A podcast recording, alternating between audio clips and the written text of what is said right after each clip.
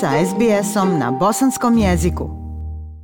Poštovani slušaoci, u našem programu uvijek imamo priliku da čujemo novosti iz Bosne i Hercegovine od našeg stalnog dopisnika iz Sarajeva, Semre Duranović-Koso, koja nam daje sedmični presjek najvažnijih događanja u našoj prvoj domovini. Želeći da upotpunimo sliku zemlje koju stalno nosimo u srcu i mislima, a koja je možda snimana iz jednog drugačijeg ugla i perspektive, ugostili smo danas također kolegu novinara i publicistu Mithata Dedića. Gospodin Dedić je stalni dopisnik Al Jazeera za Bosnu i Hercegovinu. Dugi niz godina bio je novinar Avaza, najčitanije dnevne novine u Bosni i Hercegovini, a pokrenuo je i vlastiti portal normala.ba. Ali dajmo riječ našem cijenjenom gostu iz Bosne i Hercegovine. Mitho, srdačna dobrodošlica u program SBS radija na bosanskom jeziku. Hvala Ajša, veliki pozdrav tebi i tvojim kolegama na SBS radiju i svim bosancima i hercegovicima u dalekoj Australiji. E, ti znaš da se ja javljam iz tvoga ili moga rodnog grada sa mostom iznad rijeke, naravno to je Sanski most, gradić bogate povijesne, političke i kulturne tradicije, a jedan ne tako beznačajan segment kulturne ostavštine, ovaj gradić duguje svakako i tebi. Iako se nismo dogovarali da te hvalim, ali dugujem ovu malu spontanu uvertiru kako slušalcima SBS radija, tako i sebi samom, a i ovdašnjim ljudima. Ipak si ti osnivač i utemeljitelj omladinskog pozorišta u Sanskom mostu koje je postalo poznato i van granica kantona, dramaturg, pisac i izvrstan profesor bosanskog jezika i aktivistica bošnjačke zajedničke kulture, preporod koja je u vrijeme dok si ti radila u njoj producirala veliki broj večeri poezije, likovni izložbi, pozrišni predstava, gostovanja, eminentni javni ličnost. Mogu reći da Australija dobila Sanski most izgubio. Kada je riječ o meni, ja sam, kao što znaš, a tvoji slušalci vjerovatno ne znaju, diplomirani novinar, Sarajevska škola, tako da kažem, fakultet političkih nauka, tada se zvao Veljko Lahović, završio sam ocijek žurnalistike. To je vrijeme profesora Rahmetlinija Durakovića, Omera Ibrahimagića, Safeta Halilovića, Atifa Purivatre, Hidajeta Repovca, Gaje Sekulića, Emila Vlajkija, Travničanina Becima, Spahića. Možda jedna mala didaskalija, moja novinarska generacija, recimo Sejad Lučkin, aktuelni urednik portala Faktor Ba, danas u Sarajevu i bivši urednik dnevnog vaza, Ljubo Ljubević, prije ratni voditelj televizijskog dnevnika radio televizije Bosne i Hercegovine, Meliha Ihtijarević, Gordan Bobinac, Bišćanka Elida Čaušević, Senad Ramić iz Trebinja, dugogodišnji urednik radio televizije Unsko-Sanskog kantona, ali nažalost i jedan Snježan Lalović koji tokom proteklog rata, ja više volim reći agresije na Bosnu i Hercegovinu kao novinar, reporter pratio Radovana Karadžića i njegovu vojsku ili recimo jedan Dario Kordić, dakle također moja generacija sa studija više poznati kao političar jedan od čelnika famozne Herceg Bosne nego novinar koji je za ratne zločine u Srednjoj Bosni osuđen na 25 godina robije. Kada želim da se malo našalim govoreći o našoj generaciji, onda kažem da je jedan od najpoznatijih eh, novinara jugoslovenskog prostora, sjajni Goran Milić, u stvari zet naše generacije. Naime, davno nekada oženio je našu studentsku koleginicu eh, Lijepu Anu porijeklom iz Oraše na Savi i na neki način joj je ukrao novinarsku karijeru i slavu. Ja imam i dugogodišnje iskustvo i u dnevnoj periodičnoj štampi i na radiju, na televiziji, o čemu si ti ukratko u uvodu rekla, a zaista bi predugo trajalo da nabrajam gdje sam sve e, tokom svih ovih godina radio i za koga sam radio prije rata, recimo u oslobođenju i ugašenim večernim novinama. Nakon rata u magazinu Starti, 12 godina sam bio zaposlen u listu Dnevni Avaz. Tu su i neke novinarske nagrade o kojima ne bi sada, a možda bih pomenuo da sam ko autor scenarija zajedno sa Harisom Bilebegovićem, bosancem sa adresom u Austriji za dva međunarodno nagrađivana dokumentarna filma sa ratnom tematikom sa područja Sanskog mosta koja se mogu pogledati na YouTube-u. To su filmovi Most koji traje 11 minuta i dokumentarni film Svjedok koji traje 43 minuta. Zanimljivo je da se ova dva filma bave streljanjima civila Bošnjaka na mostu kod sela Vrfolje na Domaksanskog mosta i to na jedan te isti dan, 31. maja 1992. godine. Kao što si napomenula, bavim se publicistikom. U ovom trenutku sam okončao rukopis o jednom krajiškom političaru koji je svojim političkim radom, bolje rečeno manipulacijama sa masama, unazadio lokalnu sredinu i kanton. Knjiga ima 380 stranica i mogla bi pred čitavcima da se pojavi krajem maja ili početkom juna. Također sam pripremio i manuskript o Sanskoj općinskoj administraciji u periodu od 1955. godine godine pa sve do 1992. godine, a u planu su još neki publicistički projekti. Iz Bosne i Hercegovine nam u zadnjih nekoliko mjeseci, nažalost, stalno stižu loše vijesti. Ne zna se na kom polju je gore politički skandali, nekompetentnost vlasti da učinu bilo kakav pozitivan pomak u tragičnoj epidemiološkoj situaciji, pandemija koja ne posustaje, uzimajući živote sada i mlađih ljudi, a kao šlag na torti političke igre oko podjele i komadanja Bosne i Hercegovine. Kako biste vi, gospodine Dediću, ocijenili trenutnu situaciju u Bosni i Hercegovini? Potpuno ste u pravu. Evo, ja bih počeo možda sa onim što nas u ovom trenutku najviše zaokuplja, ne samo nas, nego cijelu planetu, to je pandemija koronavirusa. Generalno statistika mnogo toga i otkriva i skriva. Ja bih rekao onaj imuna varalca. To sam posudio od remarka iz romana Tri ratna druga. Naprimjer, sa jučerašnjim danom e, mi imamo skoro 200.000 potvrđenih slučajeva korona virusa. Tačnije 197.866. Oporavljenih je 158.641, a aktivnih slučajeva 30.000. Do sada je od COVID-19 u Bosni i Hercegovini sa današnjim danom nažalost smrtno stradalo 8512 lica. Ovo su službeni podaci Ministarstva civilnih poslova Bosne i Hercegovine. Ja sam se potrudio pa sam potražio statistiku e, od 1. januara 2021. godine kada riječ o COVID-19 u Bosni i Hercegovini i zanimljiva je komparacija sa, sa jučerašnjim danom. 1. januara 2021. godine u Bosni i Hercegovini je bilo 112.143 potvrđena slučaja covid dakle skoro 90.000 manje nego danas. Broj smrtnih slučajeva od toga 1. januara do danas se udvostručio. Prije četiri mjeseca bilo ih je 4086. Praktično na mjesečnom nivou koronavirus je u Bosni i Hercegovini odnosio hiljadu života. No ono što je dodatno zabrinjavajuće, a vjerujem da je poznato i vama, država Bosna i Hercegovina sa ovom ovakvom vlašću se apsolutno nije snašla. Bolje rečeno, obrukala se pred svijetom i, i svojim napaćenim narodom kada riječ o nabavci vakcina i imunizaciji. Domaća politička elita, da ih tako eufemistički nazovem. Do sada je dobacila samo do sadake, odnosno vakcina koje su stizale kao donacije od stranih lidera u sveopćoj političkoj krizi i vrlo složenim odnosima između entiteta i lidera takozvanih konstitutivnih naroda, izostanak vakcinacije totalno razočarao građane od Une do Drine. Mi ni danas recimo nemamo precizne informacije koliko je ljudi u Bosni i Hercegovini vakcinisano.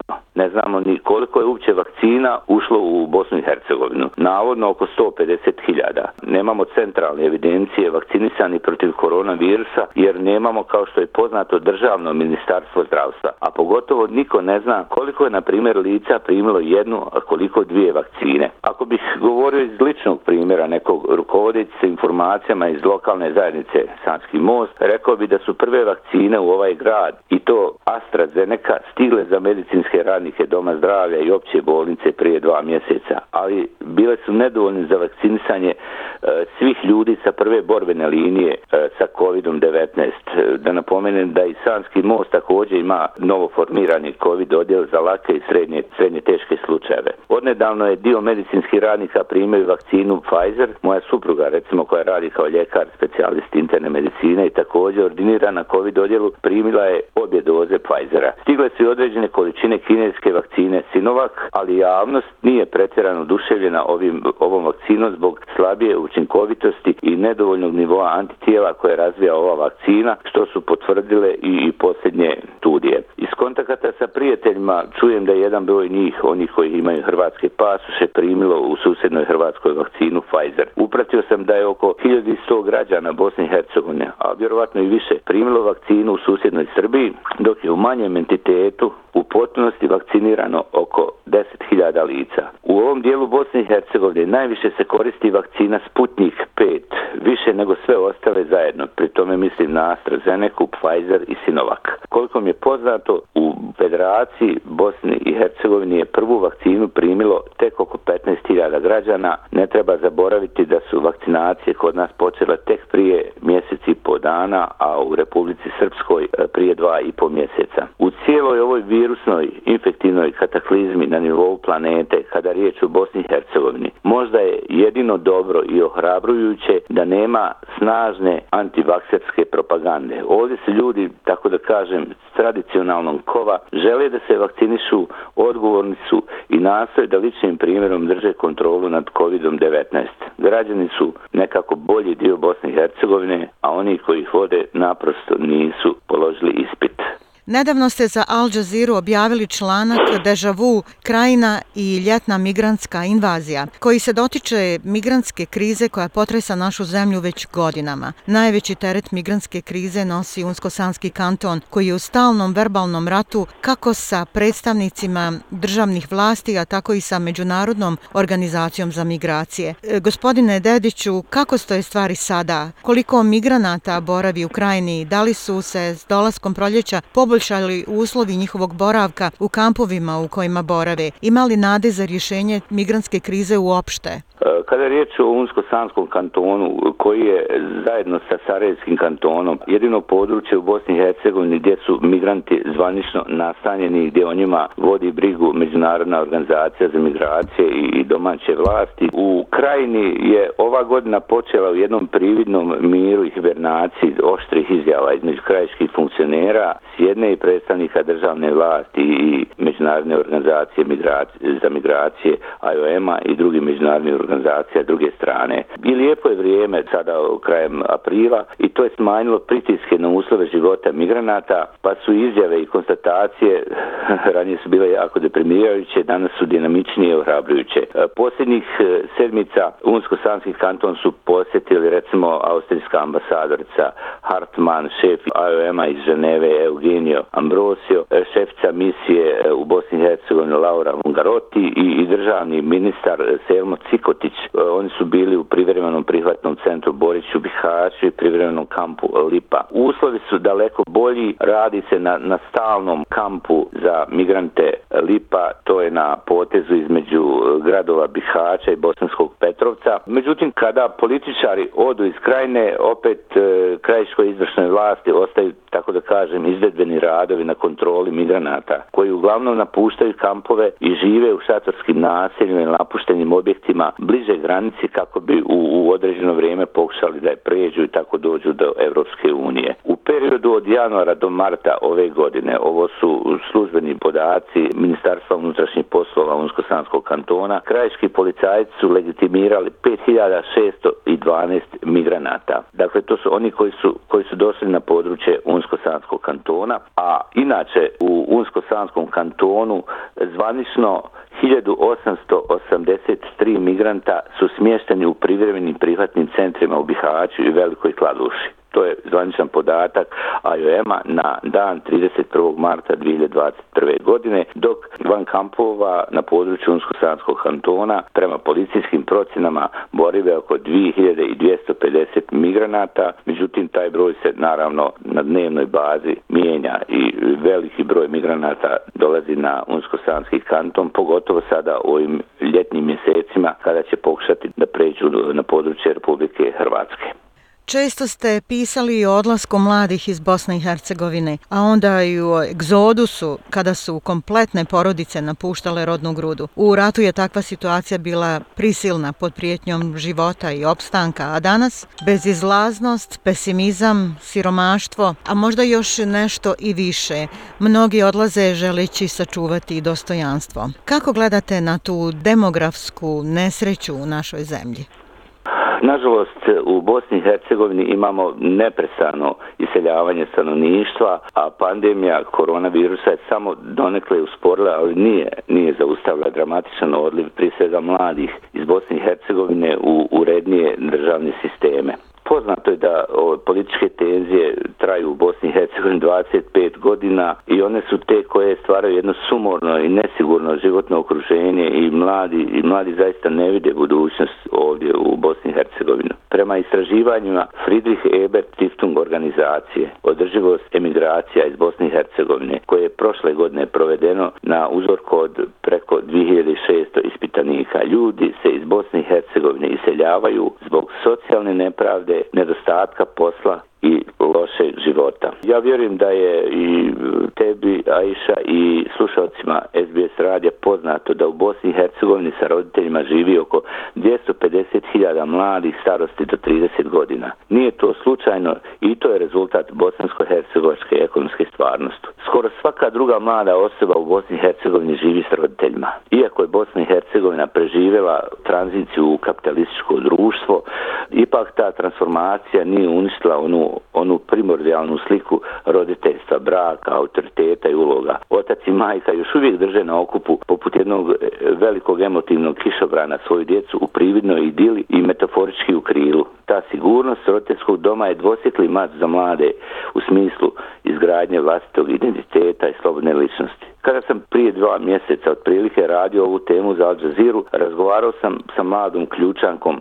Sanu Mušanović. Nju bih uzeo za primjer. Upoznao sam je kao, ranije kao aktivisticu naroda i pravde u ovom kraljevskom gradiću na obodu Unsko-Sanskog kantona sa istočne strane. Jedna pametna, inteligentna djevojka završila fakultet i okušala se u politici. Bila na listi ove stranke za općinsko vijeće, međutim nije dobila dovoljan broj glasova i ona je jedna iz plejade mladi ljudi koji nakon punoljetstva živi kod roditelja. Sana, iako svjesna vrijednosti porodice, jednostavno je u vrijeme kada je ovaj tekst objavljen, već bila pronašla posao u Sloveniji, mislim u Celju, jer je očigledno u rodnom ključu i na Unsko-Sanskom kantonu za nju jednostavno nije bilo posla, nije, nije bilo karijere. Radeći na ovoj temi pronašao sam podatak da je prema popisu stanovništva iz 2013. godine e, u Bosni i Hercegovini živjelo 730.000 mladih ljudi između 15 i 30 godina, dok ih je 1991. godine. Dakle, to je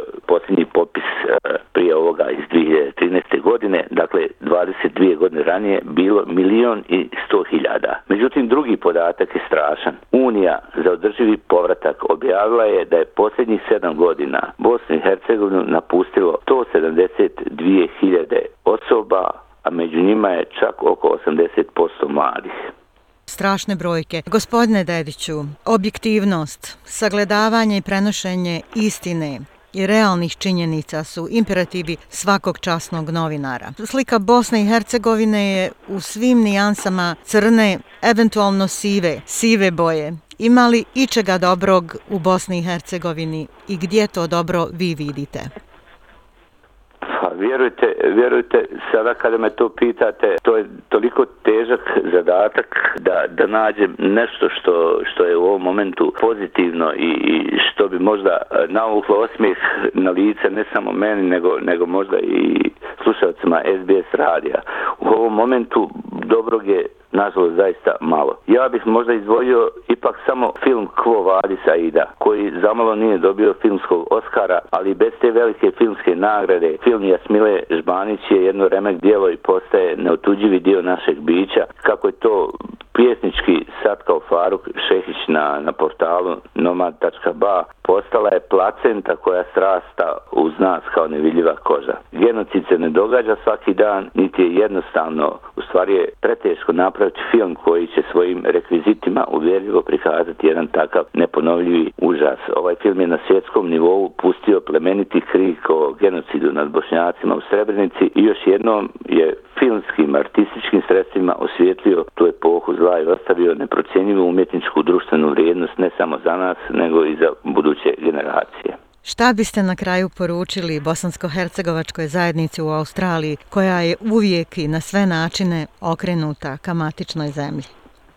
Pa ja vjerujem da je to tako. Ba rekao bih, dragi moji bosanci hercegovici Australiji, čuvajte se, držite se zajedno, radite na očuvanju svog kulturnog identiteta identiteta, prije svega jezika, maternjeg jezika koji je temeljni postulat i aksijom očuvanja jedne zajednice koja egzistira daleko od svoje matice. Budite ponosna dijaspora koja neće zaboraviti svoju rodnu grudu i dođite nam kad god u našu jedinu prelijepu i vječnu Bosnu i Hercegovinu.